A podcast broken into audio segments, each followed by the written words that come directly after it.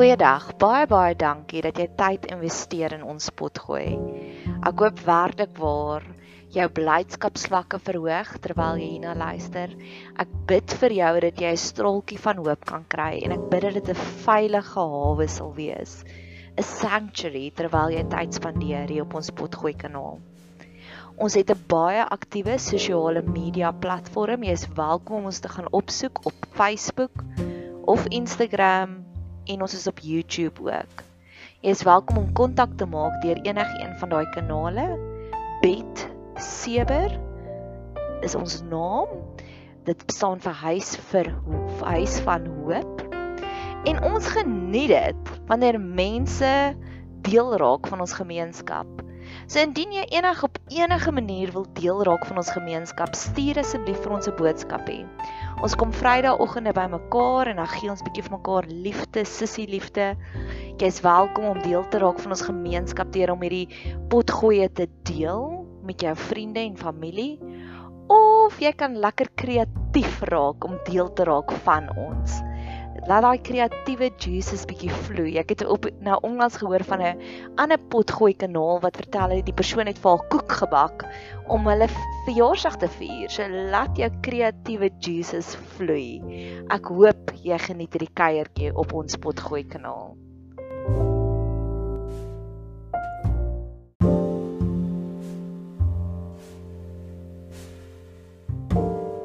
Nog 'n gebed vir genesing en ook so 'n bietjie van 'n getuienis oor die ou bekende Jobet Seber kanaal jou verhouding met jou aardse pappa.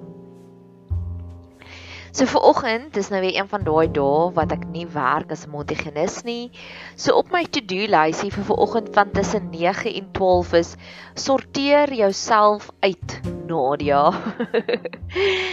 en ek journal baie intensief en ek skryf baie intensief, maar ek het al soveel meer krag ondervind op hierdie potgooi kanaal waar ek oor iets sal praat en dan sal dit manifesteer op 'n ander manier. So laat my toe om vir jou 'n storie te vertel van wat nou onlangs gebeur het in my lewe. En dan wil ek ook so 'n paar vrae by jou laat. Een van my groot doelwitte hier in die lewe is om soos 'n petrol engine stasie te wees vir gebedsinspirasie. Om jou te inspireer dat jy kan letterlik oor enige iets bid. Ek glo tweedens van alles Rob Bell doen hierdie hierdie stunning teaching, hierdie stunning preek oor the bush is always burning waar hy verduidelik van God het vir Moses ontmoet by die brandende bos, maar volgens Rob Bell is die brandende bos altyd daar. God wil altyd met ons kommunikeer. As ons deur Spreuke lees, sal jy ook hoor dat wysheid staan op elke straathoek. En sy skree uit en sy roep en sy sê maar kom luister hier na my. So ek het letterlik ver oggend het ek 'n paar A4 folio's gevat. Ek is in 'n baie ryk en 'n kleurvolle episode van my lewe en ek het hom in 4 opgedeel en ek beplan om 6 potgoeie te maak van dinge wat nou onlangs my hartsnare aangeraak het. So die eerste een is ek is in 'n baie uitdagende verhouding met my eie pa. En ek glo dat alles as ons dit voor God se voete gaan neerlê, kan hy alles vat en dit omdraai in 'n leergeleentheid en 'n getuienis vir ander mense. My pa is glad nie 'n slegte mens nie. Ek dink net ons twee persoonlikhede gel net glad nie met mekaar nie. En as gevolg van dit, ek het dit al op 'n baie jong ouderdom in my lewe geïdentifiseer het ek besluit om van 'n baie jong ouderdom af het ek al vir baie spesialiste gaan konsulteer daaroor om te sê help my asseblief leer my asseblief hoe om 'n beter verhouding met my pa te hê ek het in in die begin van hierdie jaar het ek besef ek kies om lief te wees vir my pa want ek weet die oomblik wat ek daardie besluit maak weet ek dat God sal ander verhoudings van my meer seën. En op 'n stadium vandat ek daardie besluit gemaak het, het ek baie minder ek wil nie sê probleme nie, daar was nooit ek het baie dieper verhoudinge begin bou met mense wat in autoriteitsposisie is, soos byvoorbeeld my werkgewer. Ewe skielik het ek en hy het ons verhouding ook begin verdiep en ek sal vinniger in sy kantoor en hardloop en sê help my asseblief hiermee gee asseblief my raad hiermee. So ek kan al klaar die resultate daarvan net van daardie besluit wat ek gemaak het. Ek dink ons besluit baie keer ag hierdie persoon is unlovable of wat ook al. En ons besef nie watter ander impak het dit op die ander verhoudings in ons lewe nie.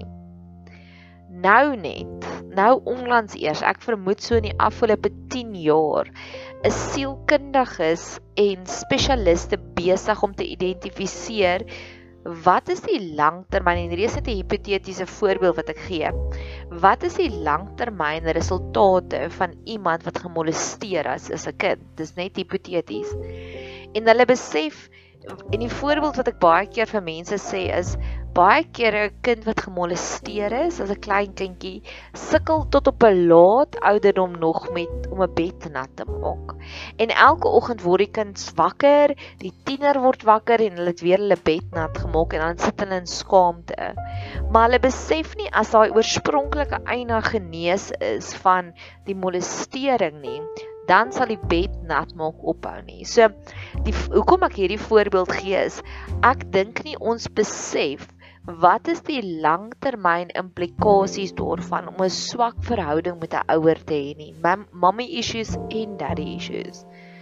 Mommy issues is amper vir my duideliker want daai mense sukkel om liefde te gee en te aanvaar, maar 'n 'n pappa daar's dis amper asof daar elke dag is daar vir my nuwe simptome en nuwe manifestasies. Ek het gisteraand na my een van my podcast voorlopers, die mense na wie ek opkyk, het ek na Nicole Engelbreg se True Crime South Africa geluister. En sy doen 'n onderhoud daarso met 'n persoon wat 'n kliniese sielkundige is in die tronke. En die persoon sal keer op keer sê elke keer as sy met hierdie mense werk, dan kom sy agter hulle het een of ander substance abuse wat hulle doen. So of is dwelms of is drank of is sigarette of wat ook al dit is. En ek het nogals daar by stil gestaan en gewonder, Here, ek sal dit love om met daai mense 'n onderhoud te voer om te hoor hoe is hulle verhouding met hulle aardse pappa. Ek het dit al keer op keer ook raak gelees, nie dat ek dit enigsins regverdig as jy enige dwelms misbruik of alkohol of wat ook al nie het ek dit al keer op keer gelees dat dit is dis 'n leë liefdestentjie wat jy binne in jou het en jy probeer dit vol te maak met allerlei sulke ander chemiese medikasie. So hoekom ek hierdie lang inleiding doen is net om te sê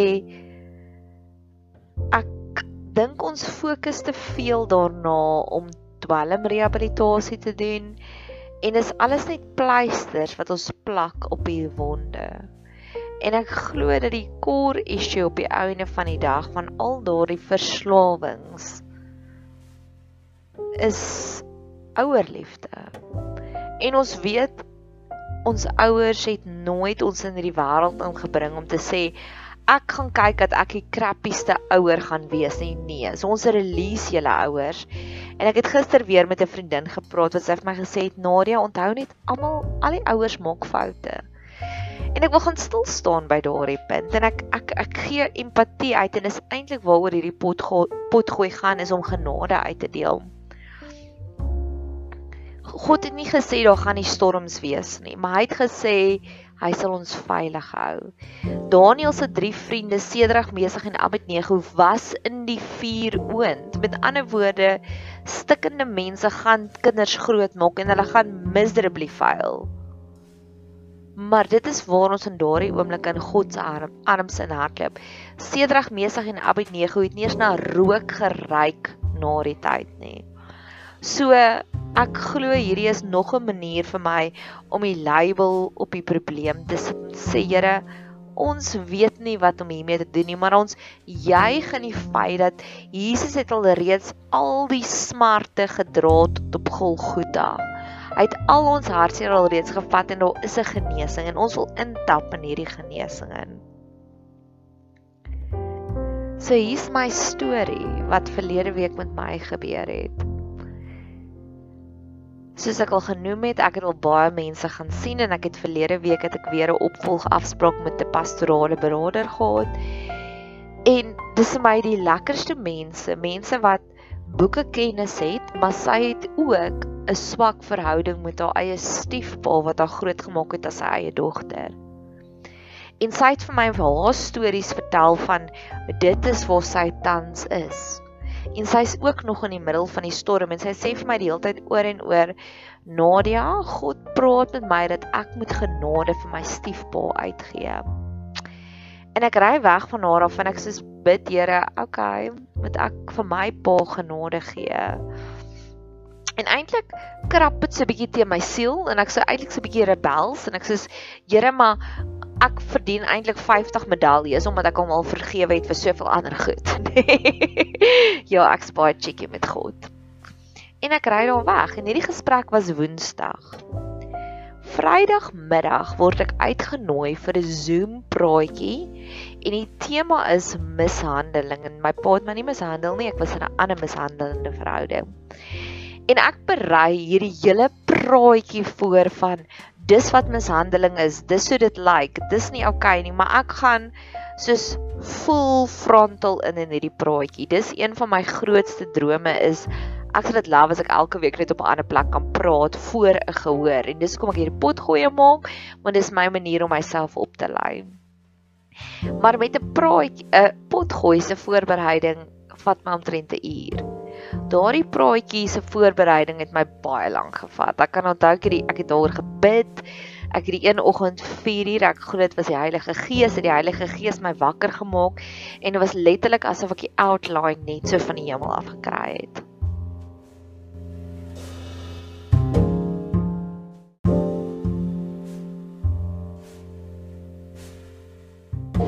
So 4 uur een oggend skryf ek die praatjie neer en van daar af gaan ek totaal en al in om dit die praatjie te memoriseer want ek wil nie vir my gehoor ek wil hê hulle moet belangrik voel en een van die maniere hoe hulle belangrik voel is wanneer ek die tyd gevat het om die ding te memoriseer in plaas van om hom net af te lees. So ek memoriseer hom, ek taai myself, ek sê dit oor en oor en oor. Ek loop hier deur my huis, ek sê dit oor en oor en oor. So ek het al my voorbereiding deeglik gedoen.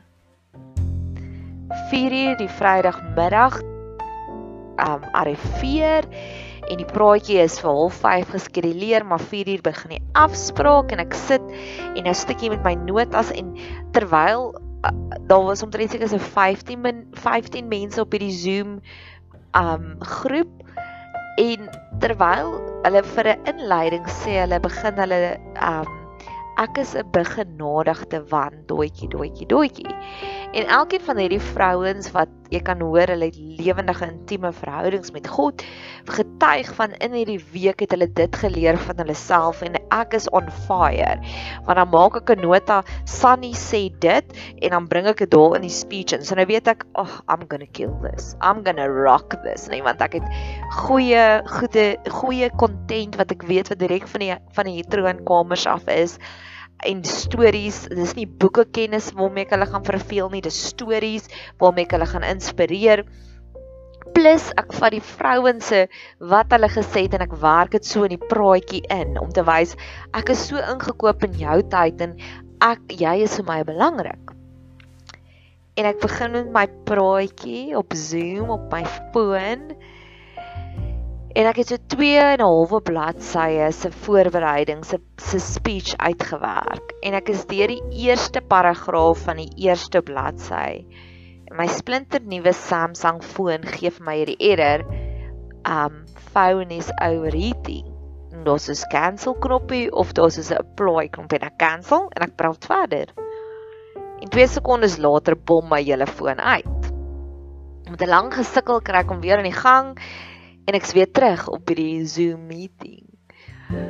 Maar onder die Zoom meeting wys my skerm net vir my een persoon en dis die administrateur administrator van die vergadering. So in daardie proses en nou stres ek oor my foon wat aan enige oomblik weer gaan uitbom en ek het nie eens gedink daaraan om dit op my laptop te sit nie.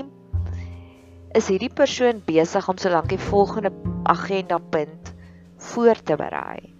So sy kyk nie die hele tyd op vir die skerm nie. Sy's besig gou-gou aan die kant om iets anders voor te berei.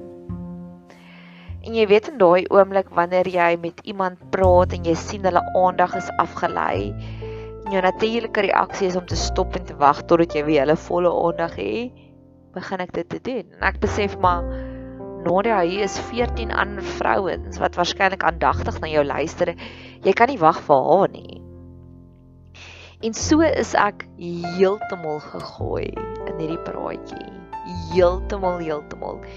Nou op hierdie punt het ek uitgewerk. Ek doen seker nou al publiek publieke praatjies vir 6, 7 jaar. Ek het al radio onderrig oude gehou En elke keer na die tyd as ek op 'n haai, ek sê, "Jy, Here, dankie vir die geleentheid. Dankie dat jy met my was." En ek kry stage fright wat ek nog nooit van tevore gekry het nie. En ek sê, "Maak my sinnetjie klaar." En ek sê, "Dankie julle, dis die einde van my praatjie." Ek dink ek het 1 en 'n halwe paragraaf van 2 en 'n halwe bladsye gedoen en hulle is baie ordentlike dames en hulle sê baie dankie Nadia en hulle stuur 'n ou WhatsAppie, dankie Nadia. Want tussentyd voel ek ek wil met 'n lepel so lank die sement in my woonstel wegkrap van die aarde wil my nie vinnig genoeg insluk nie. Nee, ek voel soos 'n totaal en alle disaster. Ek gryp my aktetassie wat gevul is met 'n Cabernet Sauvignon en ek is dadelik af na my bure toe om op by, op hulle skouers te kla en ek sê ek het nou net die grootste flop van my eie naam gemaak en ek gaan daar af en die twee mense, wyse mense sit en giggel vir my en hulle sê Nadia ons haat ook Zoom en dis hoekom ons Zoom haat en dieselfde issues wat ek ondervind het en die een persoon sê sy's 'n onderwyseres so sy mis verlang toe nou op Teams actually het voorberei. Sy sê dit het omtrent 3 maande gevat om met haar 3-jariges te connect op Teams. Dit was vir haar baie moeilik. So niemand blykbaar kry dit die eerste slag reg nie. En in my oomblik ervaar ek God se genade en ek ervaar ja, jy het waarskynlik nou alles verkeerd gedoen Dit was jou verantwoordelikheid om Zoom eers te oefen en seker te maak daar's geen tegniese foute nie.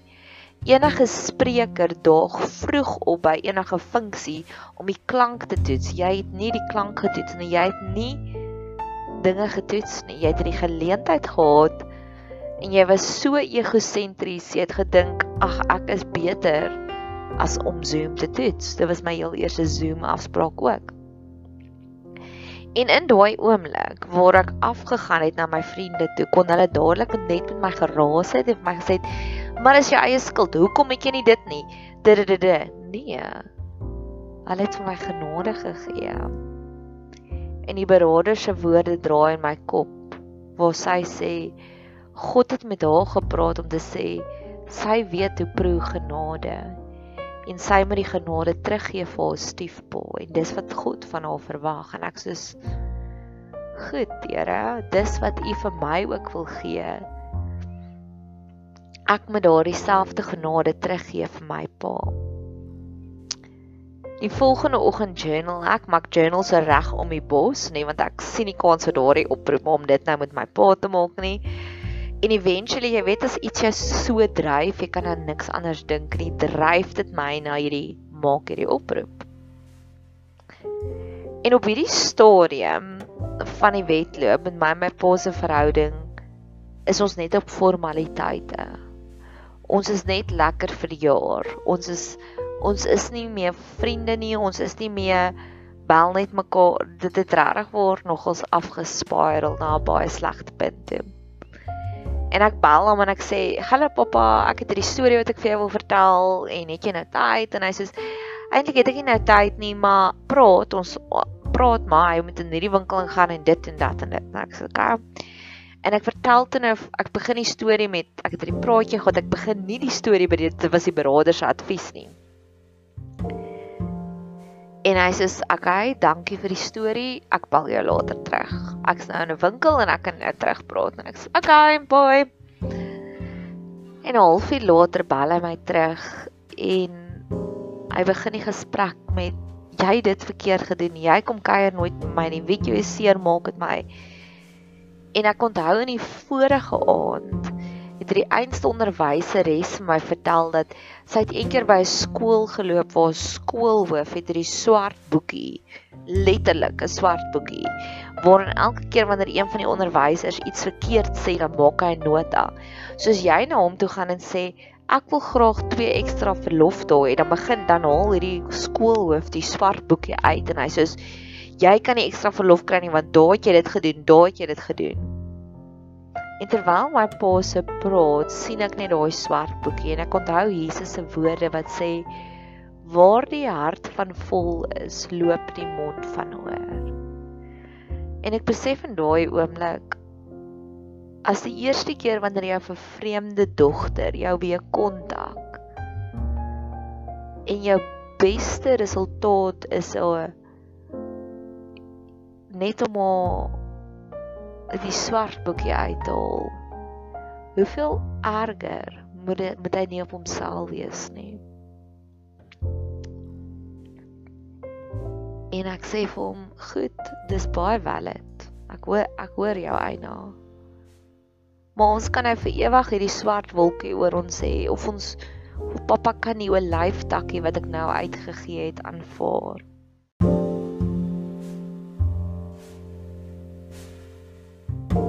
Gistermiddag vat ek my vriendin na haar ma toe want haar kar het gebreek. So die ma het liefdevol aangebied, "Jy mag my kar leen." En terwyl ons by die tannie in die aftreeoord aankom, sê sy, "Kom in julle, wil julle koffie hê?" Ons is nee tannie, ons is hasra. En sy sê, "Maar kom sit net vir so 'n paar minute daar by my." En sy gaan sit so tussen my en my vriendin. En toe ek weer sien, woeps, hier's haar voete op hierdie voetbankie. En ek sê, "Ja, Tannie, dis 'n lekker ding wat jy daar het." En sy sê, "Ja, ek gaan nêrens sonder my voetbankie nie." En sy sit daar al gemaklik en praat met ons en sy sê dis die lekkerste ding ooit. En ek dink daaraan. En ek dink daaraan dat daai voetbankie is net daar om die tannie se gemaklikheid te verhoog. Sy sit lekker op 'n gemaklike stoel, sy's in goeie geselskap. Sy geniet dit om haar dogter te sien op 'n maandagmiddag. En die voetbankie se enigste doel is om dit nog lekkerder vir haar te maak. En ek dink in daardie oomblik aan God wat sê hy sal ons vyande my ons voetbankie maak. En ek wil net rephrase, my pa is nie die vyand in hierdie verhaal nie. Dis hurt people hurt people maar ek glo die die vallei wat daar tussen my en my pa is. God sal daardie vallei, vallei, God sal daardie verwyderheid wat daar was tussen my en hom, God sal daardie konflik vat en dat dit ons lewe nog meer gemakliker sal maak. Ek wil afsluit met twee ander stories wat want weer eens soos ek gesê het the bush is always burning en ek sien myself as hierdie engine petrolstasie vol inspirasie. Ek het met die Here 'n sekere deal aangegaan om te sê kom ons sê ek wil dit nie weggee nie want dit is baie privaat. Kom ons ek het al hierdie deal met die Here aangemaak met iemand anders wat ek gesê het Here ek vergewe hulle maar ek kies om hulle nie weer toe te laat in my lewe nie. En toe sê ek en dis 'n ander storie, as hierdie persoon 'n geel ballon vir my bring, dan weet ek dit God het reeds in hulle harte gewerk en ek mag hulle weer vertrou. Want onthou jy kan iemand vergewe, maar jy hoef hulle nie weer dadelik naby jou toe te laat nie. Jy kan hulle nog steeds op 'n afstand voor lief wees. So gestel ek het met God die deal gemaak, my pa moet vir my 'n geel ballon bring. Dis nie die deal nie. En Tussentyd weet jy dat hy vir twee ander mense 'n geel ballon gegee. So ek wil dit weer voor Here se voete gaan neerlê om te sê Here, dis my vreemd, want dit was 'n baie vreemde versoek wat ek voor Here gaan gee het. Maar in die tussentyd het my pa twee keer dit vir iemand anders gedoen. En ek weet niks in God se lewe, niks in ons lewe is toevallig nie. So ek wil ek wil gaan vashou aan daardie bietjie hoop. Wat dit amper vir my voel is waar God sê I'm working on it. Die tweede storie wat ek ek maak baie uitermate gebedsversoeke. Soos ek genoem het aan die begin, ek is mal oor Rob Bell. En ek het al baie keer vir die Here gesê, Here, kan my pa nie meer soos Rob Bell wees nie? Kan ons nie daai tipe van gesprekke hê van wysheid en van U nie, van God nie? En in hierdie week, nadat hierdie groot genade spasie begin het tussen my en my pa, is Rob Bell se sosiale media, se Instagram oorgeneem by sy oor sy tienerdogter. En sy tienerdogter skryf elke dag 'n post op Instagram van dis wat my pa doen from Violet. En ek dink by myself is dis ook een van my ander gebede wat ek vir God gesê het, Here leer my net om my pa te geniet dis dis al wat ek nou eintlik verwag. Is ek wil hom net geniet. Ek wil nie meer sy 5.5 miljoen foute sien nie. Ek wil hom net geniet.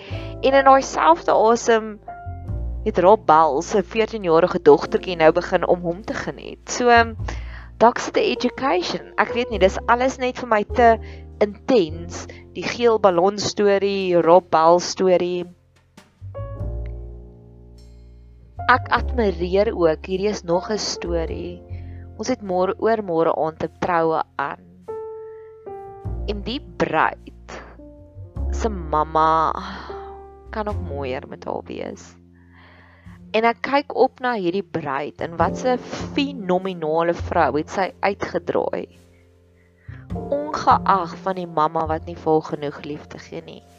Natuurlik het sy ons vriendekring nader getrek en ons probeer ons bes om vir baie liefde te gee want dis haar skoonma wat deel is van ons vriendekring en dalk het sy nou 10 nuwe mammas wat sy nou bykry. Maar ek geniet sulke mense wat jy kan sien, hulle het uitdagende ouers, maar hulle word pragtige rose in die proses. Hierdie is ook 'n stoute storie wat ek nou wil vertel, so vergewe my en as jy my gaan unsubscribe, verstaan ek volkome. Ons het oor die naweek 'n partytjie gehad en daar het baie wyn gevloei. En ek het 'n baie ligte kamer wat baie lig inlaat. En die volgende oggend toe ek wakker word, as ek is, o, oh, hierdie lig is 'n bietjie skerp en ek het my blackout gordyne toegemaak. En ek het in my bed gelê en dink, dis nie die lig wat sleg is nie. Dis my gedrag van verlede wat van gisteraand wat maak dat hierdie pragtige goeie lig nou nadelig is vir my. En ek wonder partykeer of is dit nie daardie oomblik het my baie bemoediging gegee. Want een van my grootste begeertes is dat my pa my kan raak sien soos my vriende my raak sien, lief kan wees vir my soos hulle kan lief wees vir my.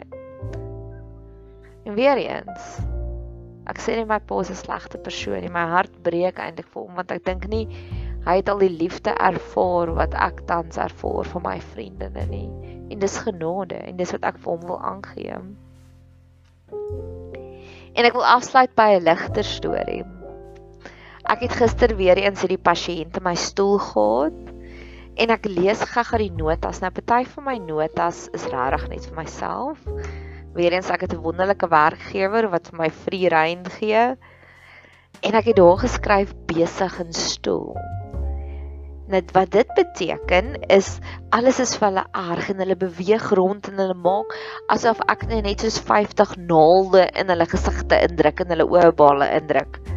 Ek weet dis nie lekker om te kom vir 'n mondhygiëne afspraak nie, maar ek probeer dit so lekker as moontlik te maak. Ek het lank weer eens van my werkgewer gesmeek om vir my die beste ultrasoniese skaleerder op die mark te koop, die een wat die minste invasive is. En hy het. So ek weet ek het die beste tegnologie om dit so min as moontlik intimiderend of sleg vir jou te maak. Maar partykeer kry mense mense wat regtig rarig maak asof hierdie verskriklik erg is en dalk het ek nie empatie nie. Dalk is dit regtig vir hulle verskriklik erg. En dan elke 2 sekondes as sy sê, "Wag, wag, wag, wag." En dan maak sy oë so toe en sê sy, "Okay, kom jy aangaan."